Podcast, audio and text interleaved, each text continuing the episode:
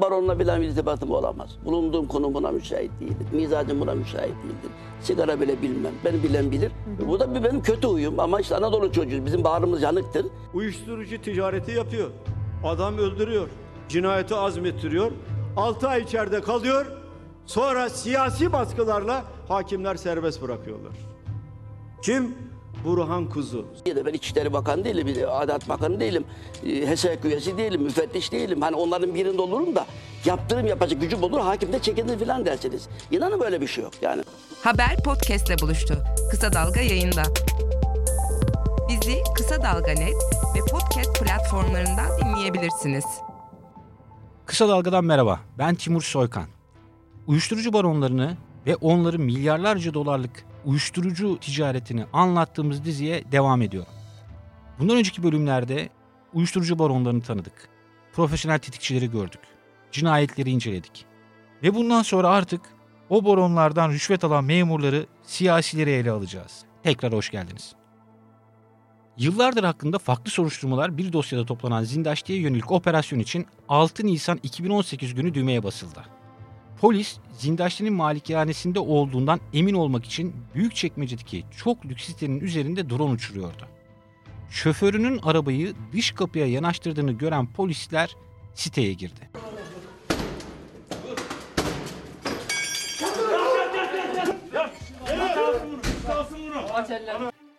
Birkaç dakika içinde Zindaşti ve adamları malikanenin bahçesinde ters kelepçe takılmış ve yere oturtulmuştu.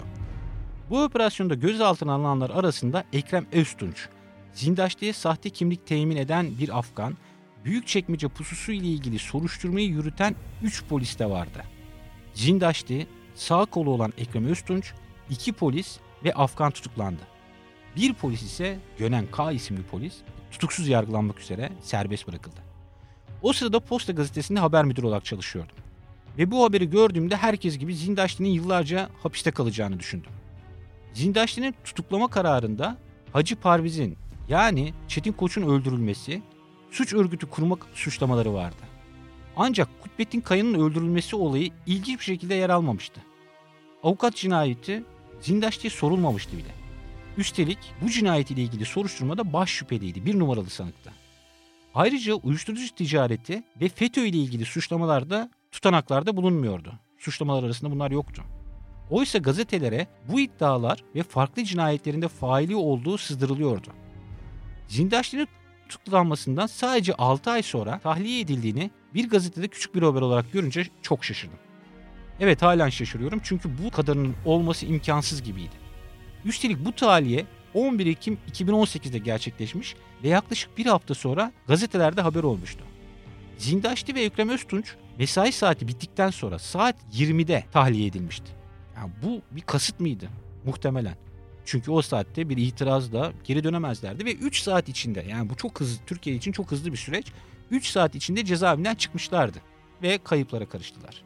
Yasa dışı yollardan Türkiye'den gittikleri kısa süre içerisinde tespit edildi. Zaten başka türlüsü düşünülemezdi. Bir gün sonra savcının itirazı üzerine yeniden tutuklama kararı çıktığında artık çok geçti. Skandal tahliye ile ilgili çok çarpıcı iddiayı ilk kez Fatih Altaylı, gazeteci Fatih Altaylı yazdı. 31 Ekim 2018 tarihli Zindaşti skandalı başlıklı yazısında Fatih Altaylı, tahliye kararını veren İstanbul 5. Sulh Ceza Hakimi Cevdet Özcan'ın bir siyasiden gördüğü baskı nedeniyle Zindaşti'yi serbest bıraktığını anlatıyordu. Fatih Altaylı isim vermese de tarifi çok açıktı. Hakime baskı yaptığı iddia edilen kişi eski AKP milletvekili, bir dönem mecliste Anayasa Komisyonu Başkanlığı yapmış, anayasa profesörü olan Burhan Kuzu'ydu. Halen Cumhurbaşkanlığı Hukuk Politikaları Kurulu üyesi. Burhan Kuzu, Fatih Altaylı'ya gönderdiği yanıtta Zindaşti'yi hiç tanımadığını ve görüşmediğini anlattı. Hatta kendisine FETÖ'nün kumpas kurduğunu söyledi. Tahliye ediliyor İstanbul'da. İşte o arabasına falan çıktı. Ve işte birileri tahliyede benim sanki dahlim varmış gibi. Ancak 4 Mart 2019'da Zindaşti ile aynı yemek masasında çekilmiş fotoğrafları Cumhuriyet Gazetesi'nin manşetindeydi. Fotoğrafta Aliye Uzun da vardı. Bir bölüm önce onun hikayesini anlatmıştım. Burhan Kuzu haber yayınlanmadan önce arayan muhabire sadece bir kez gördüm. Yatırım yapmak isteyen İranlı bir iş adamı olduğunu söylediler. Türkiye Cumhuriyeti vatandaşlığı için yardım istiyordu. Ben de yardım etmeye çalıştım. Sıkıntılı bir kişi olduğu söylenince sıkıntı varsa kalsın dedim. Bir daha da görmedim adamı. İlk ve son görüşümdü diye yanıt veriyordu. Açıklamasında yayınlarsanız Cumhuriyet için hiç iyi olmaz diyerek gazeteyi de tehdit etmişti. Burada şeyi hatırlamak gerekiyor. Fatih Altaylı'yı hiç tanımadığını söylediği kişiyi bu sefer fotoğrafları ortaya çıkınca sadece bir kez gördüğünü söylüyor. Ancak daha sonraki günlerde yine Cumhuriyet Gazetesi Burhan Kuzu'nun Zindaşti'nin sağ kolu olan Ekrem Öztunç ile WhatsApp mesajlarını yayınladı. Bu mesajlarda Ekrem Öztunç İzmir Adnan Menderes Havalimanı'ndaki bir inşaat ihalesi için yardım istiyordu. Kendilerine rakip olan firmanın FETÖ'cü olduğunu iddia edip ihalenin kendilerinde kalması için yardım talep etmişti. Ekrem Öztunç Burhan Kuzu'nun telefonuna gönderdiği bir başka WhatsApp mesajında ise "Hocam bize konum atın. Naci ile yanınıza gelelim. 10 dakika konuşalım. Bal ve ilacı da aldım." yazmıştı. Bal ve ilaç nedir bilmiyoruz. Ancak bir dosya numarası göndermişti Ekrem Öztunç. Burhan Kuzu da bu nasıl numara, tarih ile sayı birbirine karışmış diye yanıt yazmıştı. Daha sonra HTS kayıtlarının incelenmesinde Burhan Kuzu'nun Zindaşti ve Ekrem Öztunç ile defalarca telefonuyla görüştüğü ve mesajlaştığı ortaya çıktı. Tüm bunların ortaya çıkmasına karşın Burhan Kuzu hakkında iktidar da yargı da aylarca hiçbir açıklama yapmadı. Uyuşturucu ticareti yapıyor. Adam öldürüyor. Cinayeti azmettiriyor. FETÖ üyeliği var. Tutuklanıyor. 6 ay içeride kalıyor. Sonra siyasi baskılarla hakimler serbest bırakıyorlar. Kim? Burhan Kuzu. Senin kuzuluğunu sevsin. İşte benim dosyam soruşturma aşamasında. Şüpheli durumdayım. Hala sağlık bile değilim. Siz ne hakla benim hakkımda konuşuyorsunuz? 2016'da emniyet benim telefonuma el koydu. Burhan Hoca ile bir resmimiz vardı o görüşmemize dair. Balondan baron üretemezsiniz. Boşu boşuna uğraşmayın. Kaçacak göçecek de değiliz. Türk adaletine inanıyorum. İlk duruşmada da mahkememe geleceğim. Bu sırada Büyükçekmece pususu davasında tutuklu yargılanan Orhan Ünhan, Zindaşti'nin serbest bırakılması ile ilgili hakim Cevdet Özcan hakkında HSK'ya suç duyurusunda bulunmuştu.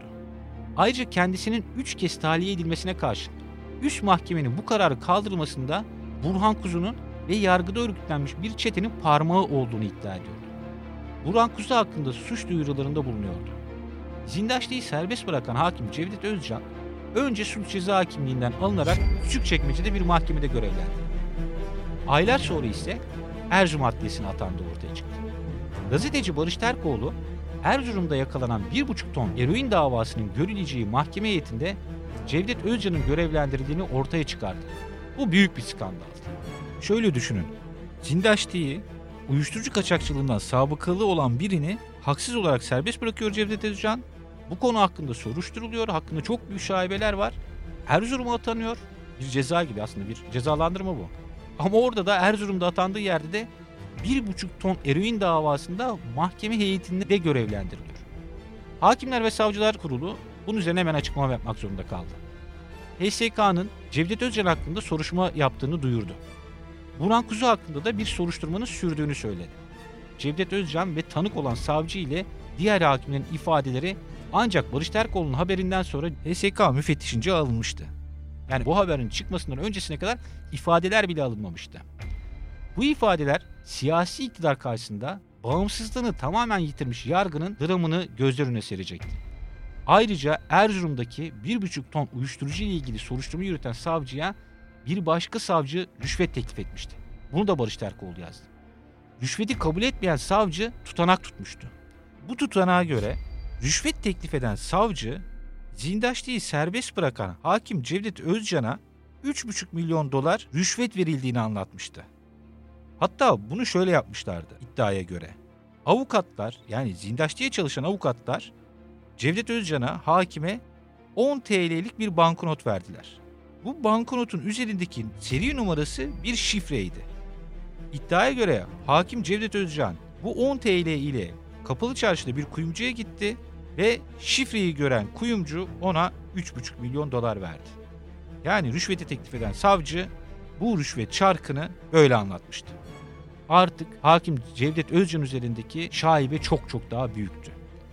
Hakim Cevdet Özcan Zindaşti'yi tahliye etmesinden bir yıl sonra Ekim 2019'da HSK müfettişine yazılı ifade verdi.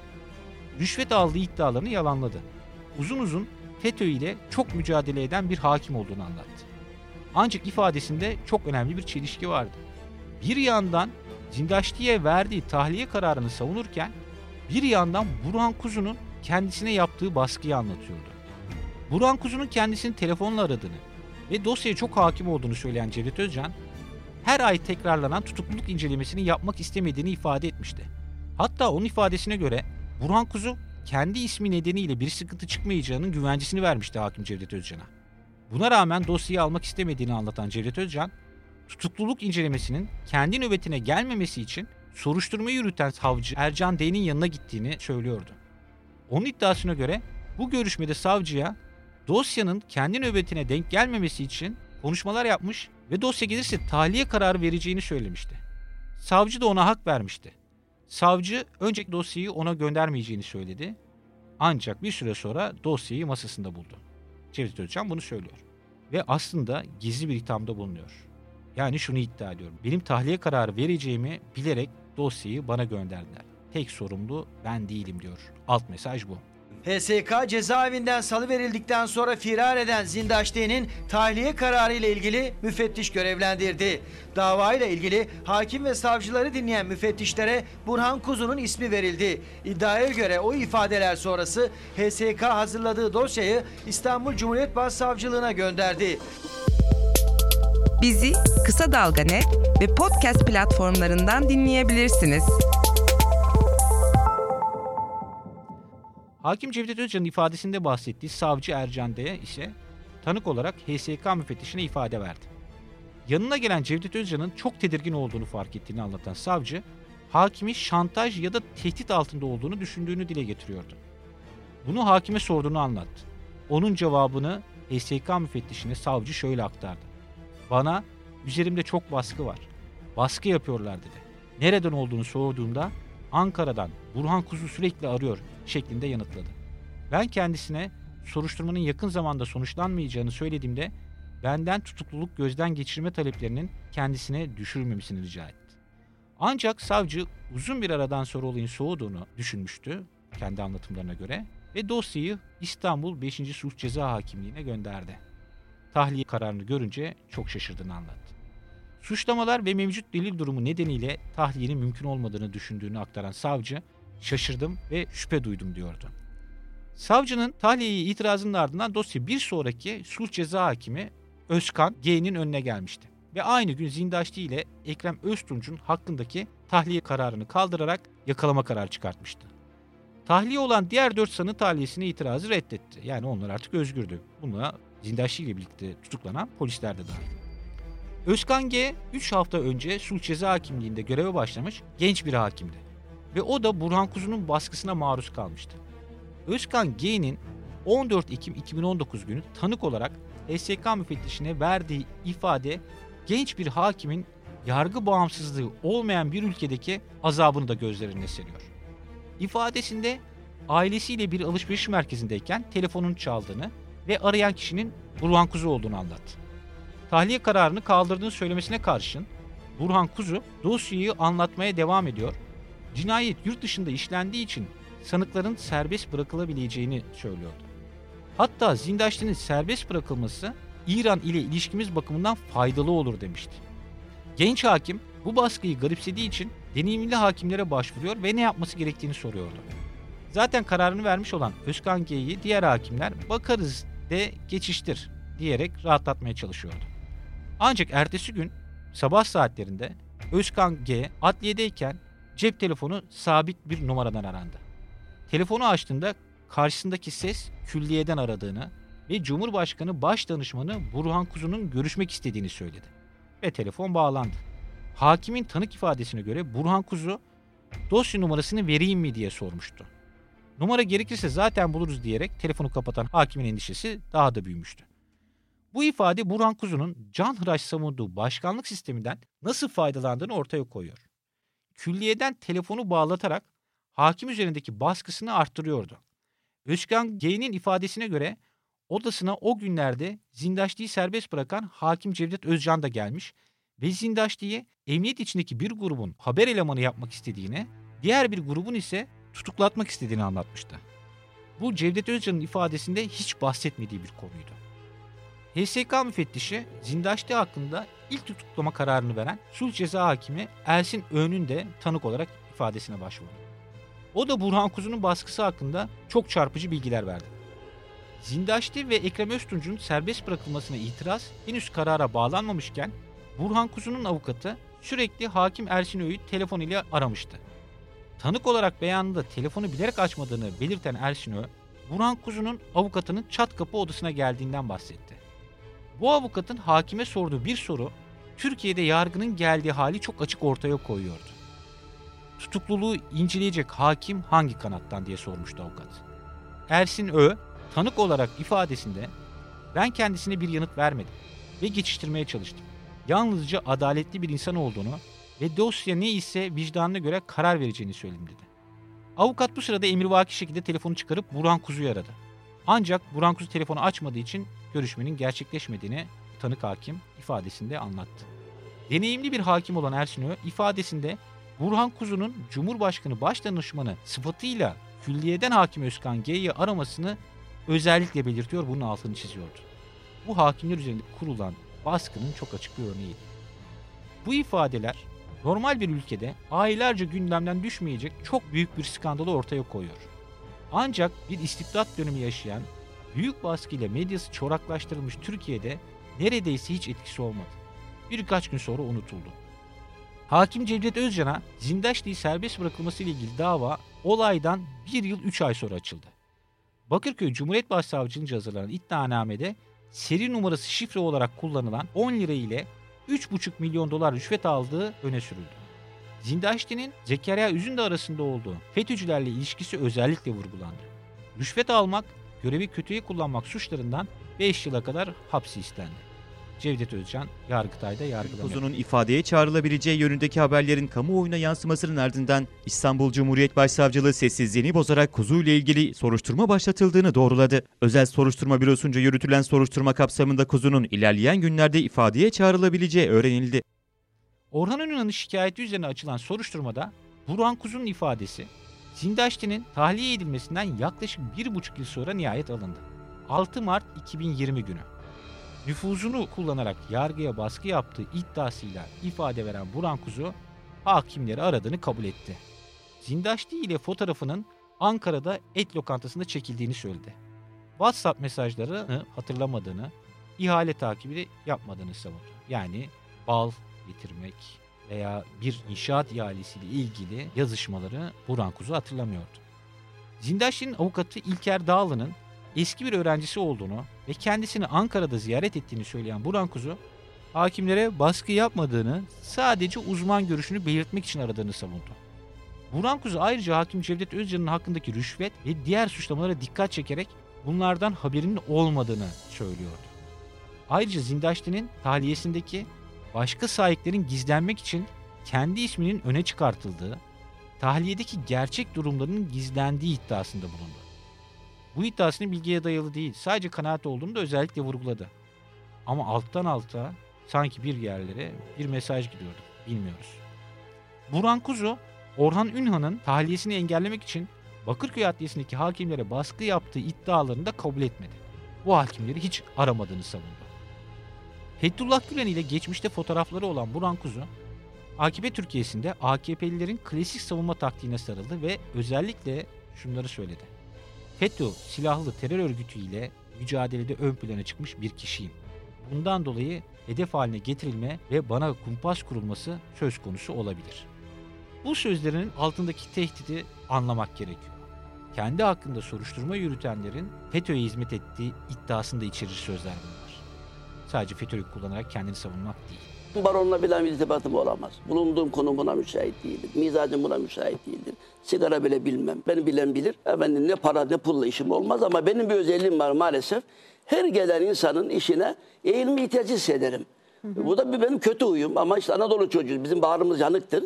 Her gelen insanın derdiyle dertleşiriz. Anayasanın hükmü var. Evet yasanın hükmü de var. Ama bilesin ki cüzdanım Türkiye'de Yargıyı arayan siyasetçi ne ilk benim ne son benim. Binlerce arayan var, binlerce söyleyen var. Binlerce diyorum. Ya da ben İçişleri Bakanı değilim, Adalet Bakanı değilim, e, HESEK üyesi değilim, müfettiş değilim. Hani onların birinde olurum da yaptırım yapacak gücüm olur, hakim de çekinir falan dersiniz. İnanın böyle bir şey yok yani. Burhan Kuzu'nun ifadesinin alınmasından 24 gün sonra yani çok hızlı bir şekilde iddianame hazırlandı. Sadece nüfus ticareti suçundan 5 yıla kadar hapsi istenmişti. Orhan Ünhan'ın tahliyesini engellemek için hakimlere baskı yaptığı yönündeki iddialarla ilgili soruşturma ise Bakırköy Başsavcılığına gönderildi. Hala yargı görevini yapanı etkilemek ile suçlanıyor ve bu soruşturma sürüyor. Bu suçlamaların hepsi mecliste kabul edilen infaz düzenlemesinin kapsamında. Yani Burhan Kuzu ceza alsa bile bu suçlardan hapse girmeyecek. Zindaşti'nin tahliye edilmesinden 6 ay sonra Orhan Ünal'ın kardeşi İlhan Ünal Bağdat Caddesi'nde öldürülmüştü. Türkiye'nin ikinci susuzluk skandalı olan bu olayı bir sonraki bölümde anlatacağım. Ancak bu bölümde şunu belirtmeliyim. Orhan Ünal kardeşinin öldürülmesinden sonra yargı içinde bir çetenin bu cinayete neden olduğunu iddia ediyor ve tutuklu yargılandığı duruşmalarda bunu çok sert sözlerle ifade ediyordu. Zindaşti'nin tahliyesinin ve kendisinin hapiste tutulmasının sorumlusunun sadece Burhan Kuzu olmadığını, daha derin bağlantıların araştırılması gerektiğini ifade eden dilekçeler veriyordu. Hatta 20 Eylül 2019 tarihli bir dilekçesinde yargı içerisinde İstanbul grubu adı altında bir çetenin olduğunu ve bunların FETÖ terör örgütü gibi hareket ettiğini, rüşvet aldığını ve hatta çok büyük rüşvetler karşılığında Zindaşti'yi tahliye ettirirken kendisi hapiste tuttuklarını iddia ediyordu. İstanbul grubu adını ilk defa Orhan Ünal'ın bu dilekçesinde ben gördüm. Ve bu dilekçeden günler sonra yargı içindeki çatışmalar nedeniyle İstanbul grubu ismi yani böyle bir grubun ismi medyaya yansıdı. Ama nasıl olduysa bir uyuşturucu baronu olduğu iddia edilen Orhan Ünal bu grubu öncesinden bir dilekçede yazıyor hatta mahkeme sorularında ifade edebiliyordu. Ve bütün Türkiye, kamuoyu, bizler, gazeteciler çok sonra bu gruptan haberdar oluyorduk. Tüm bu suçlamalar ve ortaya dökülen ilişkiler ağına Zindaşti Twitter hesabından yanıtlar veriyordu. Hakkında yakalama kararı olan ve yurt dışında bulunan Zindaşti, Burhan Kuzu'yu savundu ve tahliyesinin normal bir karar olduğunu anlattı. Yurt dışında işlenen bir cinayet ile ilgili Türkiye'de yargılanmasının hukuki olmadığını, zaten cinayetle ilgisi olmadığını savunuyordu. Daha önce bahsettiğim gibi Çetin Koç'un Orhan Ünal tarafından öldürüldüğünü iddia etmişti. Ayrıca kendisine FETÖ, uyuşturucu kaçakçılığı, gündeme gelen diğer cinayetlerle ilgili bir suçlama yöneltilmediğini, hakkında çıkan haberlerin karalama olduğunu iddia etti Zindaş'ta. Üstelik Kutbettin Kayı cinayetiyle ilgili hapishanedeyken bile savcılık tarafından ifadesi alınmadığını vurgulamıştı.